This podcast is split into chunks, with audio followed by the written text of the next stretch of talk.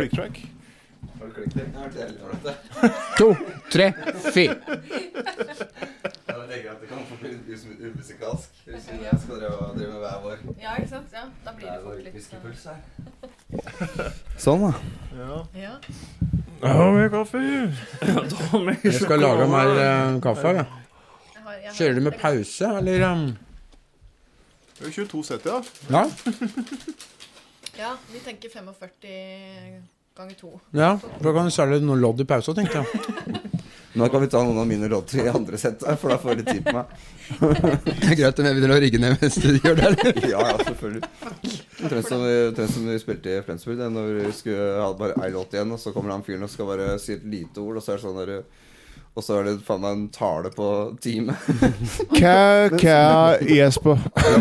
Vi er kjent inn i Så jeg det sånn Når jeg var bare fem år Og da skjønte vi bare ja, men hva, Vi var liksom helt sånn der Ja, bare ei låt igjen. Og så vi, vi, er- vi, er- altså, vi har tre minutter igjen, så er vi ferdig. Så sier han plutselig sånn Husker alle finanskrisen? Jeg bare Og så fikk jeg jævlig dårlig stemning. Jeg bare Ok. Vi, bare, vi var bare jævlig gira på å bli ferdig. du. Faen, det var sånn. Artig det men du hører liksom på introduksjonen så jeg tar det, så veit du hvor lang tid den talen tar. Det er sånn skjønner Jeg kan bare si et kort, uh, kort lite innlegg, liksom. Det er det Kære, beste. kære Jesper. Vi har kjent igjen i helt race uh, 90 år. Og der er det hva? Ok, nå. Jeg er Caroline Bonnet. Sanger og låtskriver i Bonnie and the Jets. Jeg har mange år bak meg med undring og vandring i dette sammensuriet av et musikalsk Texas som kalles musikkbransjen.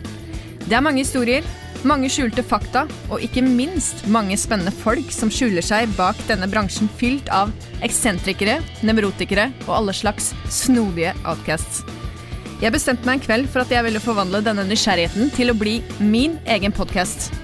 Jeg kommer til å invitere forskjellige gjester fra bransjen som forhåpentligvis vil fortelle meg noe nytt som muligens verken jeg eller du visste fra før.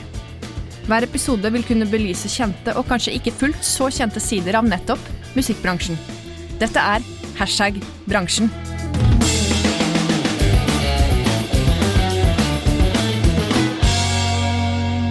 I dag har vi rett og slett uh, tatt turen ut til Skaubygda i Nes, som ligger ute i Akershus-området nord for Oslo, for de som ikke er kjent i disse trakter. Vi er rett og slett i Snacksville studio hos brødrene Mårud, Henrik og Amund. Jeg pleier å si velkommen, men nå får jeg vel si tusen takk for at vi fikk komme hit og eh, ta en episode av Hashtag bransjen her. Veldig hyggelig. Eh, Jeg skal først eh, gjøre en liten sånn introduksjon ut fra hva jeg vet dere har gjort og sånn, og så tar vi det bare derfra, rett og slett. Eh, Sånn til info så er Dagfinn eh, med som et lite sidekick her eh, i episoden. Det blir gøy. Det skulle du ønske du aldri gjorde. Det blir bra det, Dagfinn. Ja da. Vi må først si tusen takk for at vi kommer en tur, da. Ja, det Veldig hyggelig. Koselig, koselig. Amund og Henrik eh, Mårud er brødre og kolleger. Amund han er en blues- og rockemusiker. Kanskje mest kjent for sin eh, gitarspilling, men også en absolutt meget habil eh, vokalist. Han vant Spellemannsprisen i klassen blues for soloalbumet Electric i 2011, var det Amund? Og så har han også vært nominert i klassen eh, rock 2012 for albumet Dirt. Og fikk Edvard-prisen for eh, i klassen populærmusikk i 2015 uh, for albumet Volt, eller var det Voldsom? Det var Volt, ja. Ja, ok, for da s- sto det feil på Wikipedia. Ja, jaså? Ja. Så da Har jeg skrevet feil der, altså? Nei, nei, nei. Faen. Det var Volt, ja. ja. Men da vet vi det. Da, da skal det rett skal være rett. I hvert fall så har du vært eh, frontfigur i bandet The Grand fra 2005 til 2010. Siden eh, 2000 eh, så har du da fronta Amund Mårud Band. Og de siste åra så har du jobba mye med Lucky Lips, eh, hvor bl.a. Malin Pettersen er med. Og i 2017 så starta du et jazz-rock-prog-band, Amgalab Temple, Ja. sammen med Gard Nilsen og Lars Horntvedt. Ja. Så du har jo rett og slett uh, veldig mange baller i lufta hele tida, hvis jeg skjønner det riktig? Ja. Ja. Hva tenker du når jeg sier hashtag bransjen, Amund? Får du noen assosiasjoner sånn umiddelbart? Uh, jeg føler vel egentlig at jeg har prøvd å ikke eh, tenke så mye på musikkbransjen i mange år. Ja. Vi har vel egentlig drivet og prøvd å lage vår egen musikkbransje litt eh, her ute.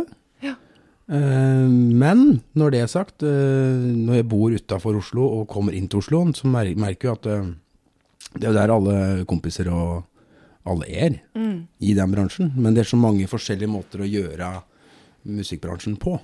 Ja. Og jeg tror at forskjellen kanskje er større enn noensinne mellom Mm. VG-lista og det som jeg kaller for backline-musikk. da. Ja. altså det, er så, det er så utrolig mange avgreininger.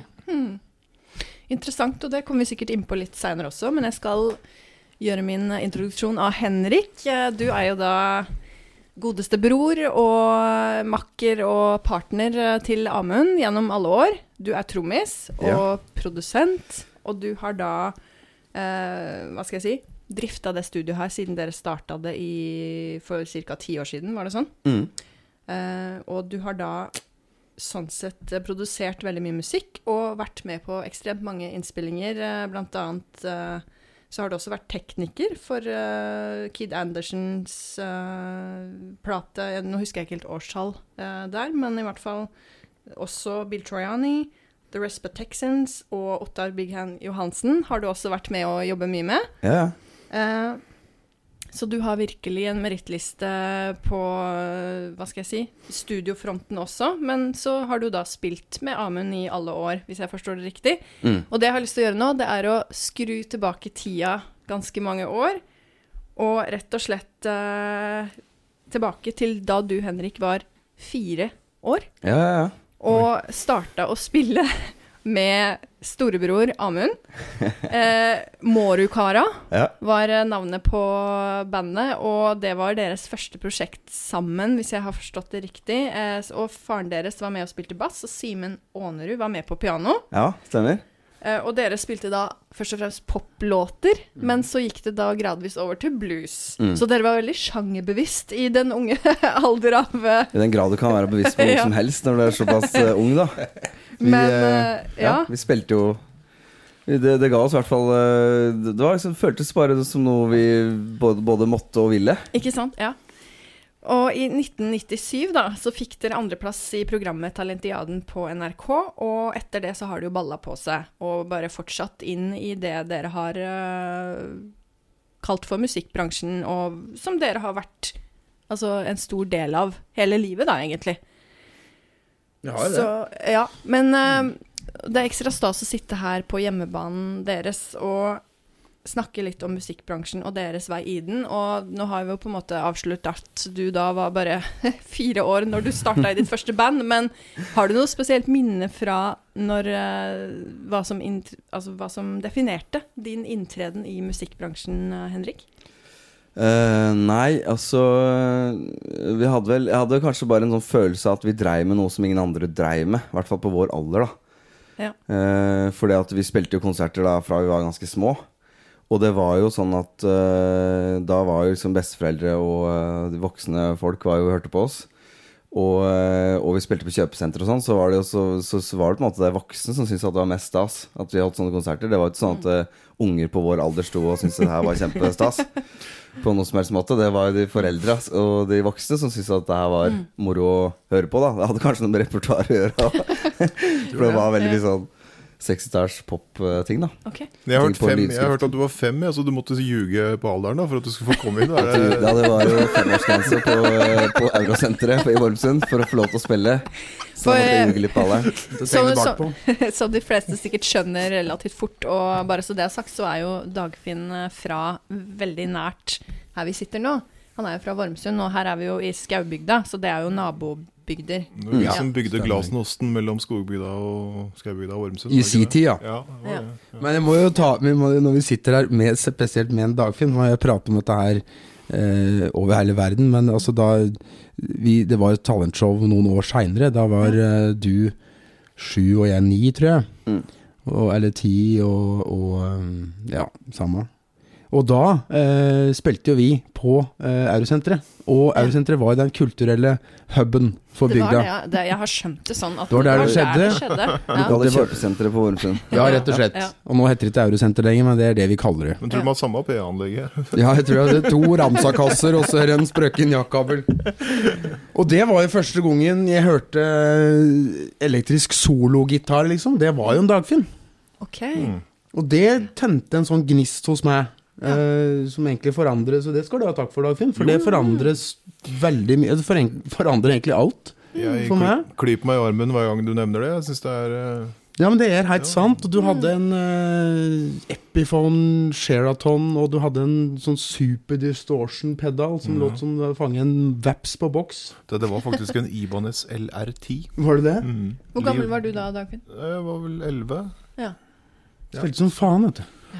Og det var en sånn kjempeoverraskelse for oss. For at uh, sjøl om vi da bor såpass tett, da, på, på en måte, så, så dreiv vi da øvde ned i kjelleren. Og hadde jo ingen kompiser eller noen i bygda her som dreiv med det samme. Alle sparka bare fotball. Ja. Og vi spilte i band. Det gjorde i hvert fall ikke og, uh, Nei, det gjorde i hvert fall ikke vi.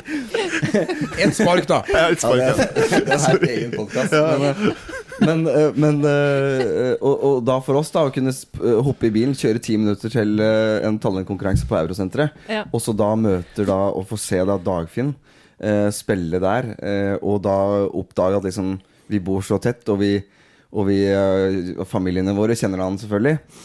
Men så oppdaga at han nå driver med noe av det samme som vi gjør, og, og, der, og, og her er det masse å lære. Ikke sant? Masse inspirasjon. Eh, det var en sånn derre wow, nå skjønner jeg at det, det fins flere sånn som oss eh, der ute, da. Ja, så har vel du, du har jo eldre brødre, så du hadde jo mye mer raffinert uh, musikksmak. Vi hadde jo kassetter som uh, Det ble jo så Fatter jobber på 3M, så det var jo noe av første piratkopieringa som foregikk. Var jo at Oi, noen oi. satt der, for de, de solgte jo sånne opptakskassetter. Stemmer. Så var det én på 3M da, vet du, som satt og spilte av fra LP-platene sine og inn på kassett. Oi. Og det var alt. Det var Nils Sedaka og eh, til litt Tina Turner og Det var jo massiv a-ha-fan. Det hadde jo ekte kassetter med. Jeg husker at, jeg husker at vi fikk Beat It-plata til Michael Jackson på kassett. Oi. Ja. Med da håndskrevet sporliste. Ja. Eh, og det var sånn der opplegg at du kunne bestille tror jeg, sånn internt da, gjennom liksom, bedriften. Det er ganske rart å tenke på i dag. Dæven steik. Lenge før LimeWire så var det faktisk Det eh, var en tidlig utgave av LimeWire. da. ja. ja, jo, nei, men det er jo helt utrolig, den utviklinga der også. Det er morsomt å se tilbake på når du sier det sånn. Ja. Ja. Men uh, hva tenker du når jeg sier hashtag bransjen da, Henrik? Har du noen sånn spesiell uh, assosiasjon du får? Altså, jeg tenker flere ting, eh, og jeg tror kanskje sånn umiddelbart Når jeg hører sånn bransjen, så, så, så får du en litt sånn, litt sånn følelse av at, du, at det er noen andre enn deg sjøl. Jeg tror det, at det kanskje er litt sånn første ting jeg tenker på. Ja. At du tenker at, uh, at bransjen, da tenker du veldig på en del sånn corporate uh, ting, og en del sånn kodekser, og en del sånn eh, nettverk, og en del folk, og en del ting som skjer, som, som du eh, forsøker å navigere i, da. Som en uh, mm. kanskje. Mer at du uh, Jeg tenker nok kanskje at, uh, at meg sjøl og vi er mer på den skapende sida. Ja. Men selvfølgelig så er også vi en del av musikkbransjen. Alle som kjøper og selger musikk i en eller annen form, er jo en del av musikkbransjen. Eh, men jeg har jo eh, Jeg foreleser en del på, på Westerdals. Ja. I bl.a. Uh, bransje Sånn introduksjonskurs for musikkbransjen. For da folk som da studerer prosjektledelse, kunst og kreative næringer. Og det er ganske morsomt å, å gå inn i den der eh, introduksjonen av musikkbransjen. Den tredelinga som liksom handler om innspilt eh, musikk, eh, live-musikken og den rettighetsbiten. Og så da vise fram det persongalleriet som fins i musikkbransjen. For at eh, musikkbransjen er jo sammensatt av noen utskudd og noen folk, uh, som du nevner så fint i introduksjonen din nå. Uh, som, som jeg kan tenke, tenke meg at det er ingen andre bransjer som har så mye rare eh, avgreininger da, av typer. Eh, og så tenker jeg at det er interessant å tenke på at uh, sjøl om da du kan leve et helt liv som artist, du kan, og, og du kan leve av å sette på deg instrumentet, gå på scenen, spille for et publikum. Og du kan gjøre det i 40 år.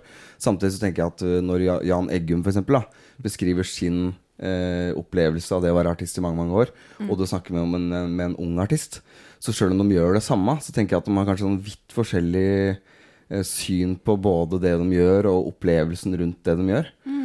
Bare fordi at uh, publikum er forskjellig, eh, og stedene er forskjellige, og settinga og sjangeren altså, Som endrer så mye på premissene. Interessant. Spennende. Men uh, har du noen spesielle tanker rundt hva var grunnen til at du endte opp med å spille trommer? Altså endte opp med Du begynte jo vel altfor tidlig, holdt jeg på å si. Sånn, du begynte jo å spille trommer før du gjorde noe annet, kanskje? Ble du aldri spurt? Nei, jeg ble aldri- Du spiller trommer. runde- Det ble aldri gjort noen runde på det. Men, nei, altså, men, men, eh, nei, men vi, vi hadde en sånn greie på det. Altså, vi, vi hadde instrumenter i huset fra vi var små. Fatter spilte jo i band. Ja. Eh, og han eh, spilte fortsatt uh, når Ramen ble født, og så hadde han vel egentlig lagt det litt på hylla når jeg kom til. Men vi hadde liksom tilgang på instrumenter. Og så, og så var det sånn to ting som skjedde. For vi hadde jo Dagfinn, som vi oppdaga da på kjøpesenteret. Og ikke så veldig lenge etter det så begynte fatter å ha sånne gitarkvelder med en gjeng fra Skaubygda. Som da var i sånn tidlig mopedalder. Stemmer det. De var i sånn 12-13-årsalderen. Ja. Og de kom hjem til oss på eh, en, en kveld fast i uka. Satt rundt eh, kjøkkenbordet og spilte kassegitarer. Lærte seg grep. Og sang og spilte. Og, eh, og fatter han viste dem fram på ting og hjalp dem å plukke noen låter. Og sånne ting Og så etter hvert så endte det opp med å bli et band som da hadde faste øvinger. Eh, da langt inn i Husåskauen, som er en liten forgreining av en vei inn i eh, sånn ti minutter herfra. Um, og, og der, er det så, der, er det så, der er det så trångt at det er folk til snudd. men det er en annen podkast. Men, eh, men, men Skaubygda på kryss og i revers med Henrik jeg ser for meg liksom det huset fullt av mopeder, og siden Terje sitter inne og lærer folk totaktblues. Det er Ja, ja, totakter blues. Men, men du kan tenke sånn For meg og Amund, da vi ble med på de øvelsene. Og så, så var vi med ned i kjelleren der og fikk se disse her gutta som var sånn der sju-åtte år, eller fem-seks-sju år. Nei, den var meg, vet du. de- Eller var kanskje sånn eh, Ja, ja, 11-12. jeg var 16 da jeg fikk mopedlappen. Du kjørte før, da. Du kjørte mange år før. Ja, ja, ja, sånn. Ja, det er. Men, eh, og, og, og da husker bare den, eh, følelsen der, da. Å komme ned der. Ja. Og så da se disse her ungdommene spille på instrumenter og få det samspillet til å funke, og liksom få en låt til å låte sånn som, sånn som det skulle låte. Og, så da, og da var det sånn Og, og det gikk veldig fort, den der eh, følelsen at jeg, det var trommene jeg skulle spille. Og jeg var med på alle øvelsene bare for å få lov til å leke litt med det trommesettet mellom pausene. Ja. Så når de hadde pauser, så fikk jeg lov til å kaste meg over det trommesettet og, og, og prøve meg litt fram. Ja, Kult. Det var helt magisk, det der. De hadde ikke rødramper, så vet du sånn at jeg husker lukta av rødramper, for det var jo PV Rage på alle, men Eller PV Backstage. Men det var, det var, det var, helt, det var helt sånn magisk. At det kunne komme av sånn lyd. Men det å ha en sånn entusiast som far, og så et ferdig rigga øvingsrom i kjelleren for å dere Ja. kunne si mamma eller pappa, det er helt utrolig. Det, det er jo dømt til å gå sånn som det har gått med dere. da Det er jo Ja. Hvor tidlig begynte du uh, å synge og spille Amund? Nei, det var vel eh, Det var vel eh, Hvis du var fire, så var jeg seks, da. Men jeg begynte Eller jeg hadde min første opptreden, så da var jeg to. Ja. Men da hadde jeg jo bare sånn ukulelegitar, for jeg spilte på farmora vår jobb på, på gamlehjem på Udnes, Mm. som er veldig i bygda her. Og så da, der var jeg, med cowboyhatt og kassegitar. Og så hadde da presten spurt hva jeg het, så sa de jeg het Bjøre Haaland. For det var jeg helt sikker på. Kjempefan av Bjøre Haaland. Så jeg har enda et, et, eh, bursdagskort fra Bjøre Haaland.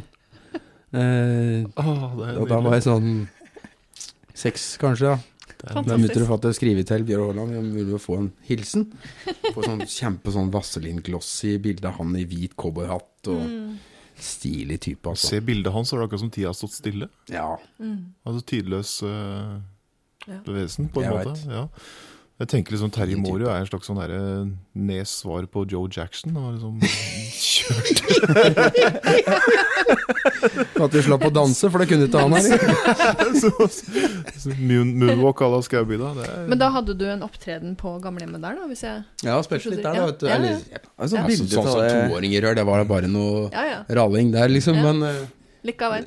det var, eh, det var Jeg hadde nok Det Det varte så lenge etter jeg egentlig hadde bestemt meg. Eh, og så begynte jeg å spille ordentlig gitar da jeg var eh, seks. Så kjøpte strømgitaren da jeg var sju. For eh, jobbeslagspenger. Og Henrik kjøpte trommesett da samme året, så da var du fem. Tenker jeg. Det er ikke maltrakt. hva jeg klarer å regne ut her, altså. Da hadde jeg maltraktert to sånne Bliss-sett fra, fra Brio-katalogen først. og da tror jeg fatter skjønte at det mente alvor, for da hadde jeg, da hadde jeg sli hull i de skinna så mange ganger, og fatter hadde teipet og har gjort liksom alt han kunne for å berge dette settet. da men, eh, men det var jo til slutt ikke noe mer å hente, og da tror jeg fatter skjønte at da Ja, det mener nok alvor. Han vil nok ha et trommesett. Jeg har hatt en følelse av at den podkasten her, siden jeg da skulle få lov til å være sidekick, at vi kommer til å bli mye mimring, da. Men uh, jeg husker det som gitarmessig, at Ammen og jeg bonda på det gitartekniske og all den der eh, med pedaler og forskjellige vib-systemer og alt det der som har med, med gitarmaterie å gjøre, da. Men at eh, vi var veldig ivrige på å komme oss ned i kjelleren og spille. Og så var det alltid litt spenningsmoment om Henrik kom eller ikke. Jeg veit ikke hva det var for noe, men jeg husker det så godt. At det, jeg, jeg håper vi får med Henrik i dag på trommer. Terje var jo alltid med da han kom hjem fra jobb, så var jo alltid han med og spilte. Men det var noen ganger det ikke var trommer der, og det var for at Henrik ah, han hadde lyst til å kjøre Det var et eller annet du skulle, om du skulle ut og svømme eller ja. kjøre Ja, så. Det var sånn der, det var veldig viktig for deg Og liksom ja, akkurat nesten, Jeg tror jeg tenkte den gangen at du gjorde deg litt kostbar, men eh, litt sånn vrang. Men uh, du har jo tatt igjen for det seinere. Men det der er utrolig morsomt at du sier. ja. For jeg har jo samme opplevelsen når vi spiller i Opus den dag i dag. Jeg har spilt i Opus i 30 år. Du står og skal gå på scenen, da. Fy faen, nå skal de få, liksom. Henrik! Henrik! Da er det helt rått. Han kommer alltid på tida. Spiller fotball med gutta og prøver å være normal kid, mens vi står der og diskuterer vib-system og, Ja. og vreng. Jeg hadde vel Ja, men altså, jeg, jeg, tror, jeg tror det er to ting. Jeg tror at, eh, for det første så tror jeg at alderen var noe med at uh, jeg hang litt etter i alder.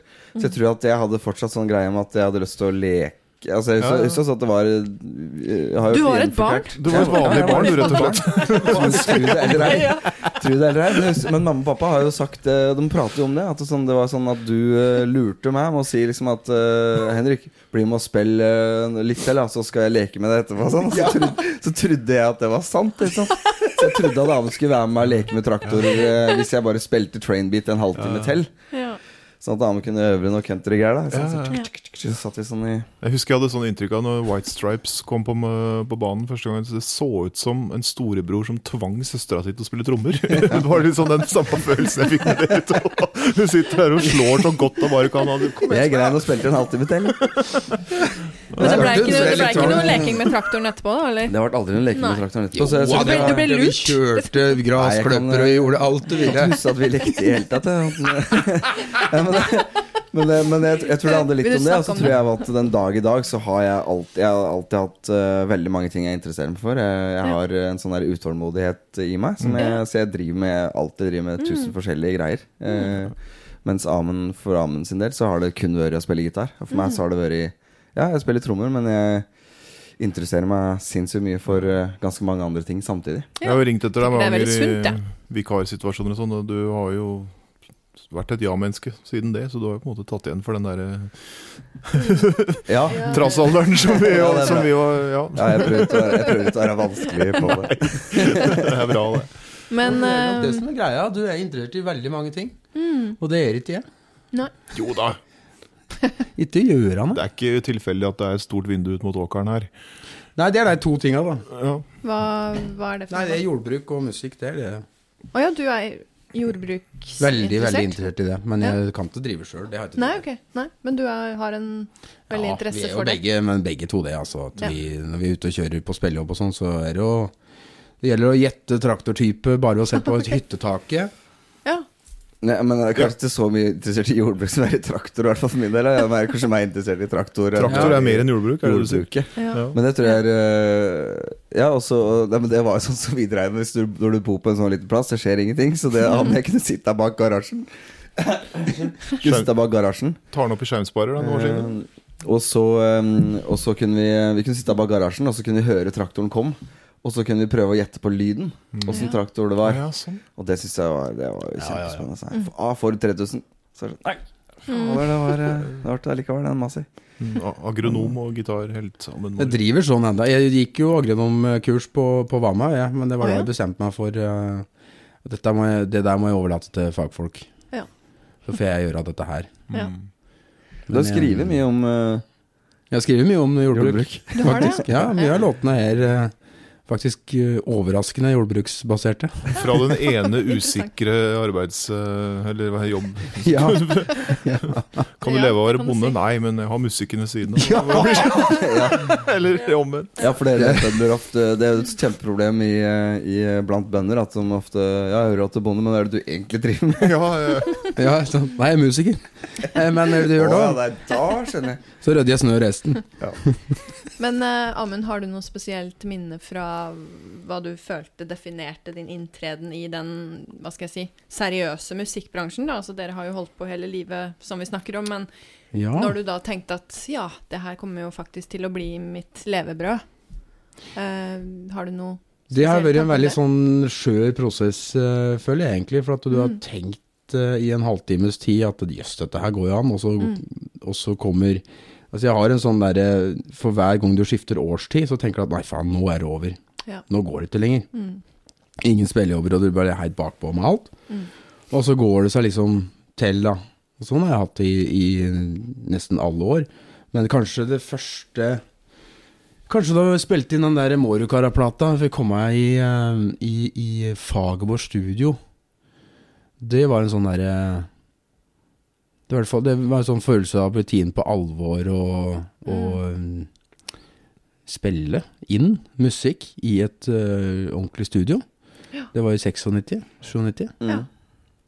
Det var en sånn ting. Mm. Men så har det jo jeg har vært kjempeheldig med at det har vært veldig mange sånne fine ting som har skjedd opp igjennom.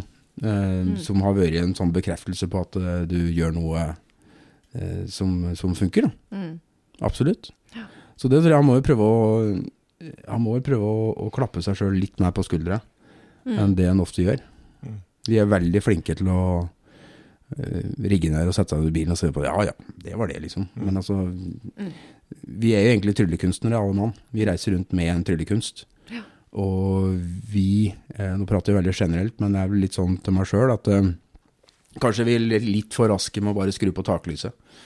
Og bare Ja ja, nei, det er jo bare det. Jeg gjør bare sånn. Ja ja, vi får, vi får prates, liksom. Og så jeg, tror må, jeg, jeg tror det er viktig at vi tør å lulle oss litt mer inn i den der magien som vi Ja. kjenner på. Sånn som vi kjente på når vi var og så inne på Hyttaskauen, da. Måtte Ja, rygge, rygge hjem igjen. Mm. Det er noe magisk med å spille musikk. Det Ja. er noe helt fantastisk magisk med det. Og Det særlig med andre folk. Mm. Det som skjer da, og det er um, Om det er telepati eller hva det er, det veit jeg ikke. Men det er en slags uh, samme samyoga som foregår. Mm. Helt eh, Jeg har ikke sett på Sant. Henrik på 30 år, ikke sant? for at jeg trenger ikke å se på han, for jeg hører jo. mm. Men han derimot? Ja, jeg har sett, eh, jeg har sett mye til det. Men, Men, mi men-. Jeg tenker at Det, det er kanskje litt sånn, litt sånn definerende for veldig mye av det vi har gjort. At jeg tror vi sånn, Fordi at vi vokste opp veldig tett og, og spilte mye sammen fra vi var veldig små, så tror jeg vi har utvikla en sånn rask måte å kommunisere på. Vi har veldig mye felles referanser. Ja. Og det gjør at vi, sjøl om vi er veldig forskjellige som personer, så, så kan vi samarbeide veldig effektivt da, i tinga vi gjør. Og det har liksom eh, Jeg tror jeg, på, på veien eh, mot at dette her ble et slags levebrød, så tror jeg vi skjønte litt den der rolleavklaringa oss imellom. Og sånne der, eh, ting vi var gode på. Ja. Der jeg var kanskje flinkere på, på den der organiseringsbiten, og, og klare liksom å, å sette ting i et slags system. Eh, og håndtere litt det der, eh, det der eh, praktiske tinga òg, da. Mm. Eh, så kunne det liksom bli litt min rolle. Og så kunne Amund konsentrere seg mer om den der eh, mer artistiske biten. Ja. Og, Det er en grunn til at det ser ut som det gjør her. Da. Det er jo en kombinasjon mellom Henrik og Fatter. Hvis, eh, altså, hvis vi hadde byttet roller, så det hadde det blitt noen fine låter. Men jeg tror studio hadde ikke sett ut. For at jeg er ikke Jeg får det til, jeg. Men Henrik han eh, lodder og ruter opp studio og fikser alt. Og så Ja. setter han og spiller dritbra trommer etterpå. Ja. Mens jeg driver og drikker kaffe og lurer på åssen refrenget Faen, åssen skal det gå, liksom. Eh, men vi har jo Det har vi egentlig aldri uttalt heller, men vi har jo bare delt oss opp sånn. Ja, vi har det. Også, og, det, og det var et eller annet som skjedde der, tror jeg. For at vi bare skjønte sjøl at her var det et eh, moment, da. Mm. men, men det var kanskje en sånn, sånn egenskap som jeg skjønte sjøl at jeg hadde litt av. At jeg kunne liksom eh, Jeg husker, jeg husker sånn, sånn som når vi hadde Vi drev og gjorde album med solotinga dine, og så skulle vi liksom i ny sånn forhandling for å få forskudd på ny plate. Uh, og da var det sånn, for hver runde vi hadde med det, så ble det jo forskuddene mindre og mindre. For det var jo mer og mer usikkert hvorvidt du klarte å selge noe album, og hvorvidt, uh, eh, ja, hvorvidt dette kom til å bli noe suksess, da, på en måte. Ja. 2004, da.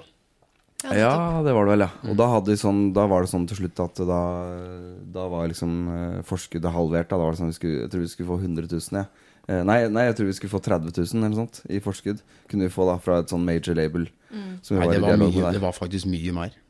Eh, Ja, jeg lurer på om Men, jeg, men også- eh, altså, på, altså Jeg lurer på om plata før i hvert fall var kanskje rundt 100 000. Da, så, og så gikk det i hvert fall drastisk nedover. Så jeg neste runde med forhandling, da.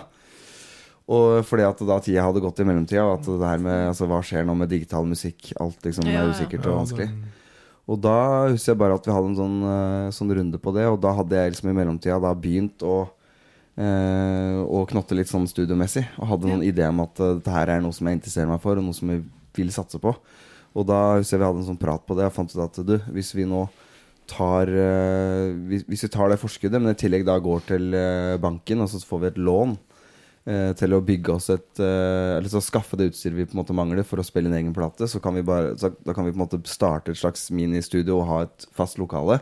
Og så kan, det, så kan vi da finansiere den innspillinga av den plata sjøl, men samtidig så har vi da et lokale vi kan gå videre med til neste innspilling. Og, eh, og det var egentlig liksom starten på den, eh, på den biten her.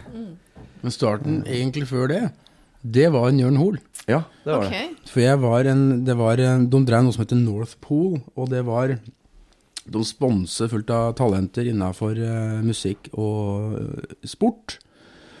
Og så fikk du en sum uh, noen ganger i året. Det er en kjempefin ting. Og så måtte du gjøre noen eh, eventer. Eh, noen fikk du betalt for, andre måtte gjøre liksom som en slags eh, Altså firmaet hadde kjøpt et slags eh, abonnement på deg, nesten. da Ved at de spytter inn de penga. Deal, altså. En slags deal, ja. Ja.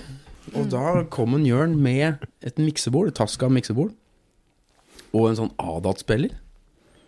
Husker jeg. Ja. For det sto oppe i kjelleren her i rævehuset. To sånne DA88, tror jeg det heter. Sånne gammeldags sånne små um, Nei, det var det breie. Nei, det var, det var DA88. Og det husker jeg, for det var jo, du hadde ikke noe interesse for dette her. Så den som begynte å plugge dette her opp og ja? sjekke om det funker, og så prøve liksom å gjøre noe opptak sånn, det var jeg som gjorde det.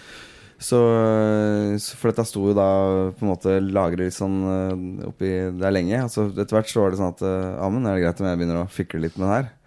Og så var det jo det. Og, da, og så begynte jeg da å liksom gjøre noe opptak og tok inn noe band og gjorde noen demoer. Og så for å på en måte forske litt på det. Og det var det som gjorde at jeg da følte at jeg hadde en sånn idé da om at jeg kanskje kunne klare å vinge en innspilling av det bandet vårt.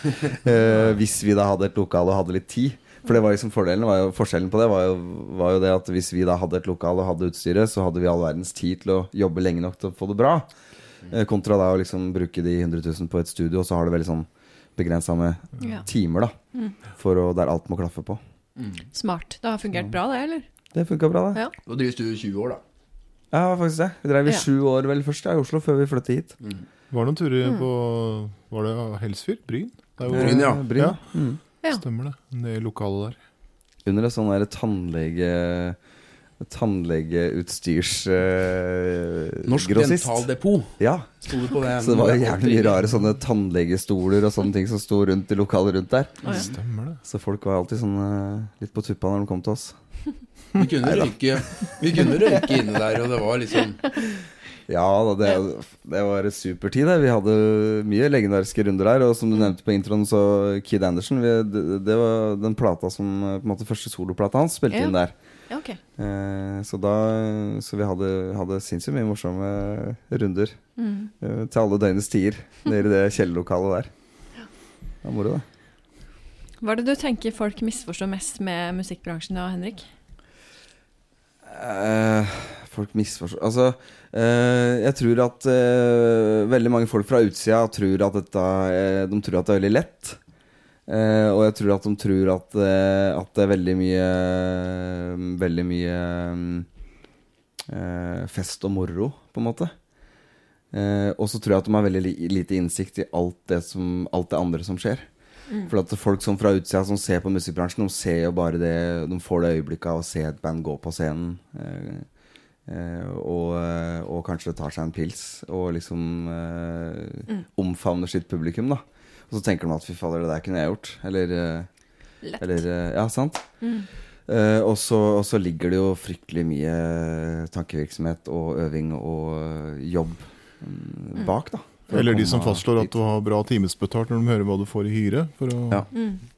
Ja, det er noe med det. Du har, du har drevet med dette her livet. Sant? Dette er noe, et håndverk som du har finslipt å jobbe mye med. da Ja. Og, øh, og øh, så, så, så, så jeg tror at det, jeg tror det er mange misforståelser. Mm. Jeg tror det er mange som, øh, som vil inn i musikkbransjen òg, litt fordi de, for de ser et slags sånn glansbilde av at mm. å, det virker så kult å Mm. ha en sånn posisjon eller gjøre sånne ting. da Mm.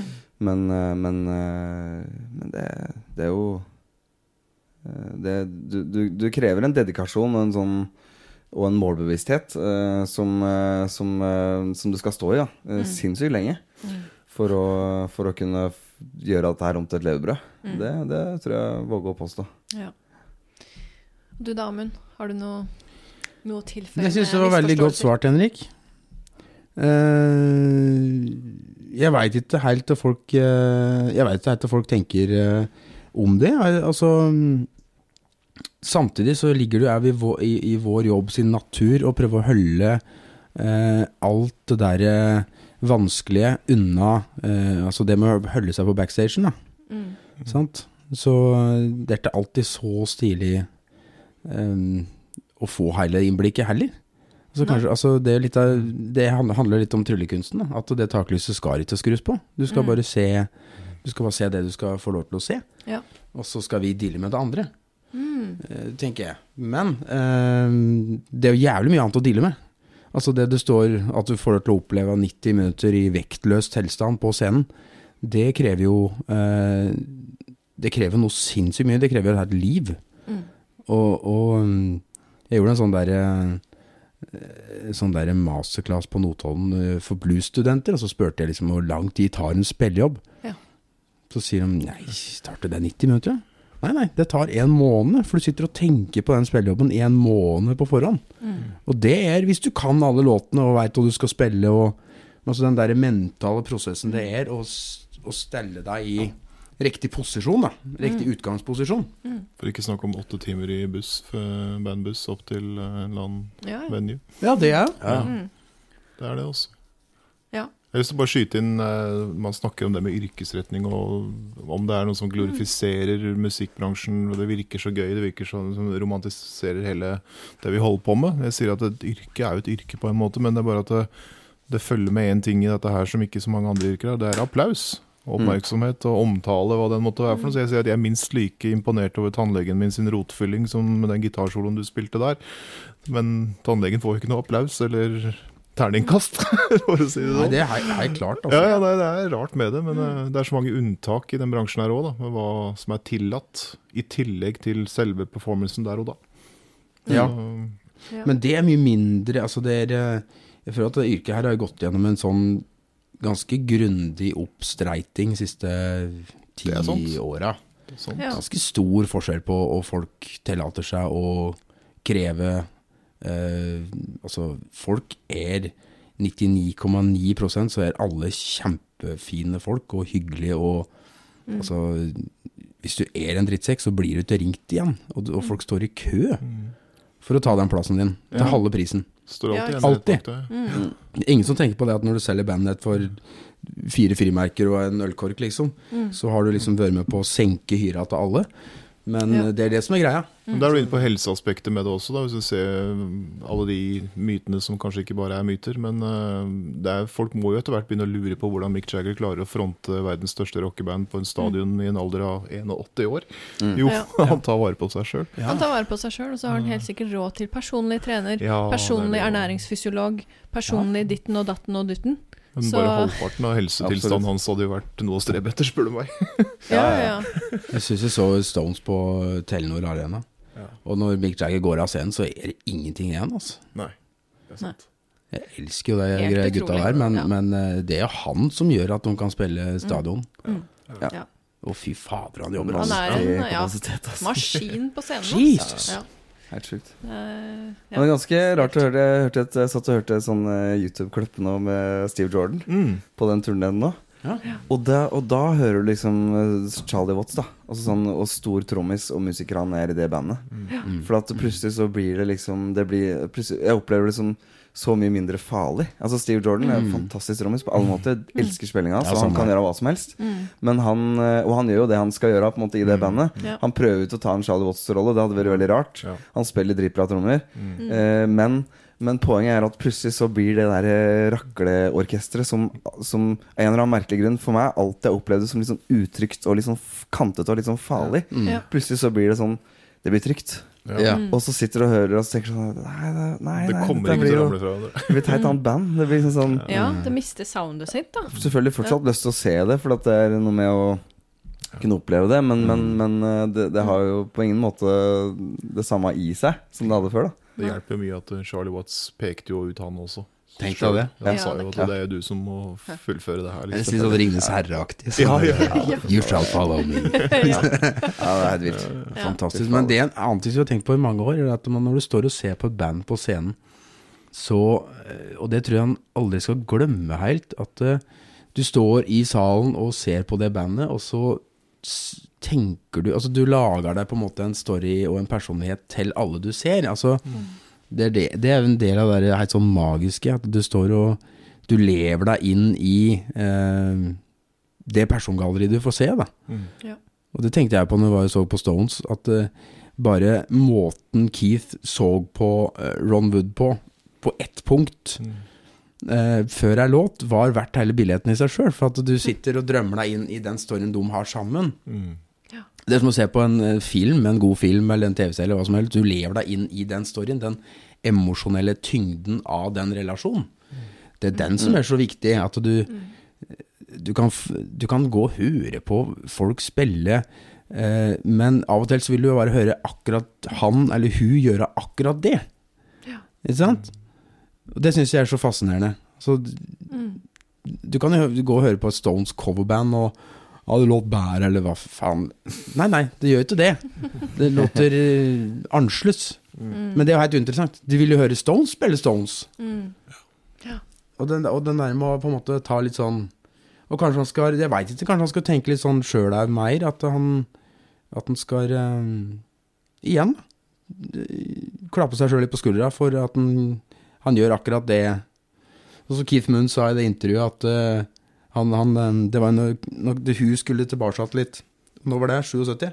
Kan ha vært 77 Jeg tror det. Ja. Han sitter og klunner litt bak settet, for de har hatt pause lenge. Og så Ja. sier han I'm still the best Keith Moon type drummer you can get, liksom. ja.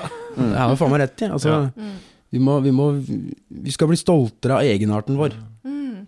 Og det, Ja, det- er, ja. og det står i en diametral motsetning med at du vokser opp med å prøve å ligne på, Ja. og så blir du voksen med å prøve å være deg sjøl. Tror det er farlig å strebe etter særpreg. Jo, Ja, men du må. absolutt. Mm. Men Det er ingen annen, det er ingen annen vei. Ja, Men å strebe etter det vil jo bli kanskje påtatt. Hvis tenker hvis du har noe naturlig, så skal du spille på det som er Ja, sånn, ja. som er Ja. din natur. Ja. jeg tror man slipper å strebe etter det hvis Ja, man prøver å ikke ligne på andre.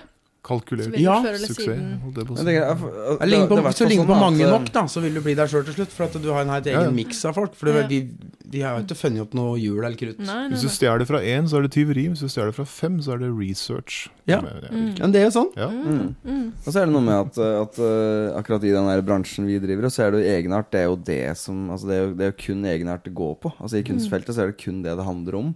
Ja. For det uh, Det er grunnen til at uh, musikkonkurranser aldri har appellert til meg. For at jeg, jeg har liksom Mm. for, at, for at vi har allerede sagt at premissene våre er forskjellige fra f.eks. For idretten. da Eh, altså en, eh, Hvis vi hadde konkurrert eh, i musikk sånn som vi gjør i sport, så kunne du gått sist i mål og så kunne du sagt at eh, du fortsatt vant. For at eh, det er ingen som går på ski sånn som meg. Nei, ikke sant? Det Og, er ingen som eh, har sånn knekk. ja, for at, eh, og, og, og det er litt av poenget med det vi driver med, er jo akkurat det. Altså sånn er det sånn at, eh, at eh, altså er det sånn at det er alltid de flinkeste folka som får jobben, på en måte? Som òg er et sånn interessant eh, spørsmål å stille til sånne unge folk som driver øver og driver prøver å finne ut av ting. Så er det, sånn der, det er flere ting, vet du, som, som, Ja. som, som, spiller, som spiller inn, da. Mm. Eh, om, om du, er det alltid den sånn flinkeste bassisten som blir den nye medlemmet i det bandet? Nei, nei, Nei. det er jo ikke sånn. Det er så mange faktorer som spiller inn i den greia. Det, så det skal funke sosialt. Det skal Mm. funke på så mange nivåer, da. Og, så, eh, og så skal det også tilføre eh, det bandet og den kjernen eh, noe, en ingrediens som trengs. Mm. Eh, og, da kan, og derfor så opplever du ofte at eh, du kan ha superflinke folk i det faget her.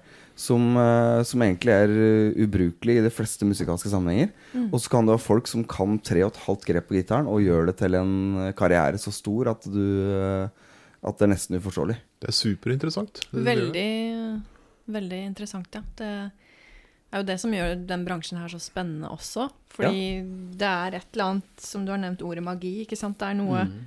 som gjør at noen kan skape noe spesielt på scenen uten å nødvendigvis være en hva skal jeg si, kløpper på instrumentet de spiller på, eller uten at de er best i det de gjør. eh, Det finnes så mange muligheter i de begrensningene. Ja.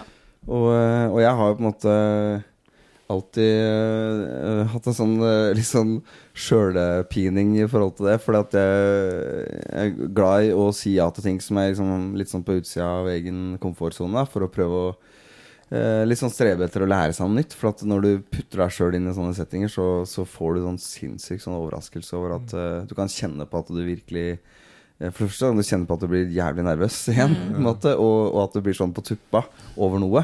Sjøl om du har drevet med dette kjempelenge, og det er en deilig følelse.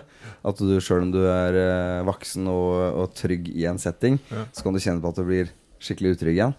Sånn som nå driver vi og gjør en sånn eh, sånn, eh, noen sånne små minikonserter med en forfatter eh, som heter Levi Henriksen. eh, der han, der vi har, vi har laga en diktplate sammen. da Der jeg har laga all musikken, og, så, og han leser dikt. Og så prøver å få det her til å bli en sånn slags nytt diktformat. Kult. Eh, og dette er litt sånn eh, litt kult, kulturelt, da, i, sin, i, sin, i sitt snitt. Og da gjør vi ofte sånn at vi spiller f.eks. bibliotek eller spiller kulturhus, og, og, så, eh, og så gjør vi en sånn eh, type 40 minutters konsert, da. Og, eh, og når, det, når vi først begynte med det prosjektet, her så var liksom tanken at jeg skulle spille trommer. At jeg, og lage all musikken med perkussive elementer, da, som jeg føler meg 100 trygg i. Og så laga vi egentlig den plata ferdig, og så bare jeg at jeg, jeg misliker det. Liksom, jeg, jeg følte at det, er, det funker ikke. Så jeg fjerna liksom og én ting, og til slutt så hadde jeg fjerna alt. Og bare begynte helt på nytt. For at jeg bare opplevde at det var liksom ingenting med den der trommeverden som, som funka med den lesinga som han gjorde. Så den plata den tror jeg jeg laga tre unger, men nå, nå har jeg endelig endt opp med noe som, som da Det er jo nesten ikke noen trommer igjen på den plata nå. Eh, og, og nå har vi begynt å gjøre det som en livesetting, og da sitter jeg plutselig med sånn Ableton Live-oppsett som gjør sånn sånn derre uh, Kjører mye sånne looper og tracks og, og spiller liksom gitar og keyboard og gjør sånne ting som på en måte er fullstendig utafor min kontroll og komfortsone. Men det Men gud hjelpe meg hvor mye du lærer, da. Ja. Når du på en måte må liksom Når du har ingenting å lene deg på. Jeg syns det er da du fortjener sertifikat på å være musiker. Altså når du innser eh, at ditt eget hovedinstrument er det som skal vekk for at det skal funke. Ja, sant. Det er mm. legge av der du ikke hører til. Det, det er en veldig god egenskap. Ja, veldig Ja, godt. ja, men det er nok litt sånn uh, bra, bra pekt ut. Jeg tenker at det, det har nok litt med det å gjøre. At du Ja. klarer å zoome ut da og se hva dette her egentlig trengs. Altså hva er det, hva er det som egentlig trengs her. Ja. Jeg har opplevd det sjøl. Liksom, nei, det skal ikke være noe gitarsolo i den låta her. Som i produsentrollen. da. Ja, men du er jo gitarist og vi må ha en solo. Nei, så hvis låta ikke trenger en solo, så skal den ikke ha en solo. Nei, sant? Det er, men det er klart, hvem skal være dommer? Hvis jeg får lov å skyte inn det også, at eh, det derre hvem skal være dommer på hva som er riktig og gærent, det gjelder jo veldig musikksjangeren og bransjen, syns jeg. da. At, eh, noen kan si at Sette opp Van Halen mot BB King, f.eks. Eller en historie når BB King spilte med U2, husker du det? Eller Ja. ja, hvor det er et eller annet lydopptak hvor The Edge diskuterer et eller annet med BB King.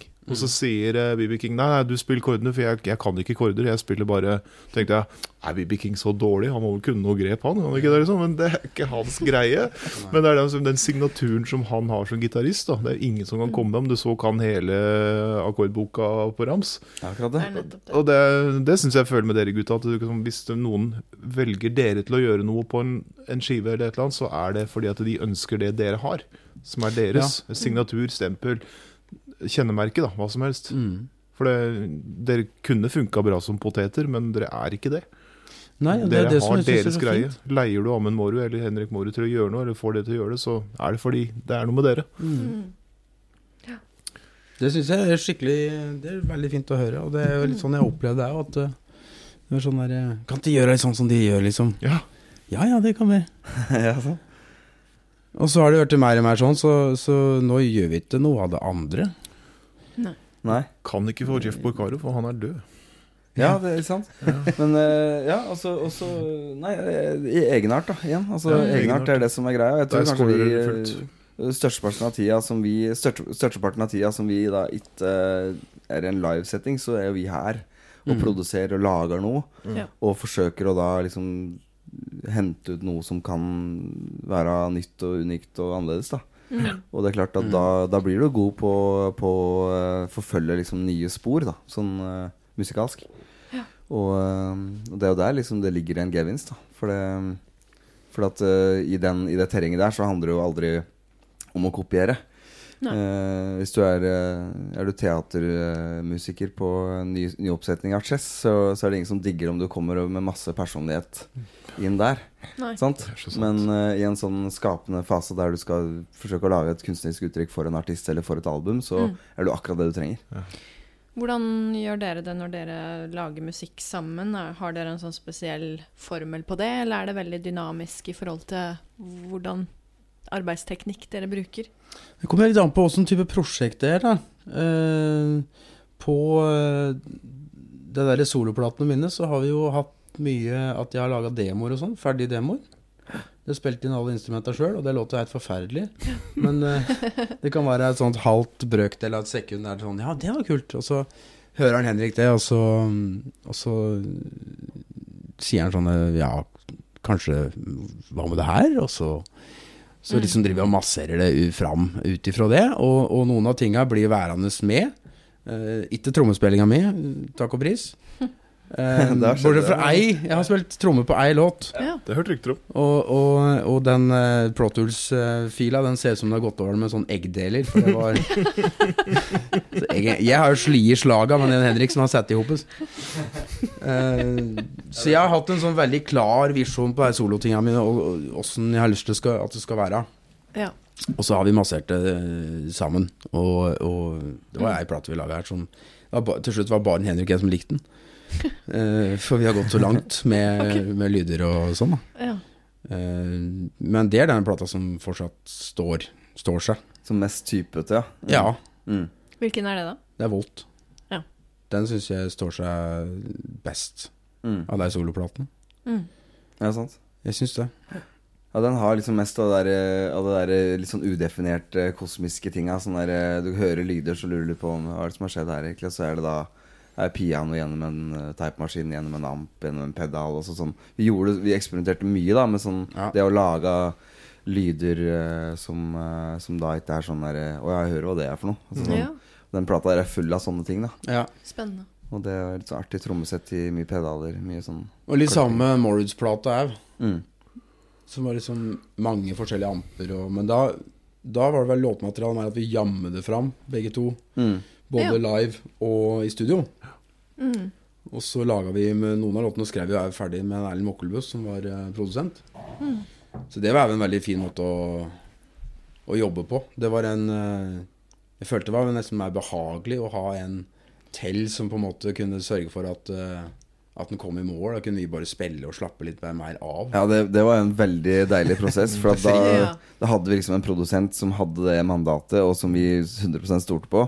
Så at vi bare kunne liksom passe på spillinga vår. da Ja. Mm. Det var en veldig sånn eh, både ny følelse, men eh, veldig god følelse òg. Ja. Og, så- og da var det lenge siden jeg hadde kjent på noe sånt. For vi har da i mellomtida siden sist vi hadde en produsent eh, Ja, det er jo Det var kanskje den Morukara-plata, da. Vi har produsert mest på egen hånd i alle de åra imellom. ja. Ja, for det er litt sånn luksusgreie, egentlig, å ha en ekstern produsent, sånn sett. Ja, også, også, og, og vi har nok følt litt på at, eh, at du eh, At vi har hatt ideer og tanker rundt uh, musikalske tinga våre som, som ikke har helt klart å uh, treffe folk som, som jeg har følt at har hatt den der vibben. da Mm. Og da har det vært lettere for oss å, framfor å bruke masse tid på å liksom kommunisere det, eller, eller eventuelt bomme på en sånn person, så har vi bare tenkt at nei, fader, vi, Vi gjør det sjøl. Men, men, men, men hele greia vår har alltid vært det. Ikke veldig overraskende ble det en over gjennomsnittet hyggelig prat, og vi har derfor valgt å dele episoden i to. Neste del kommer 2.12. Takk for at du hører på Hashtag bransjen. Om du liker podden vår, setter vi veldig stor pris på om du gir den en review i iTunes eller følger oss på Spotify. Vi høres om en uke.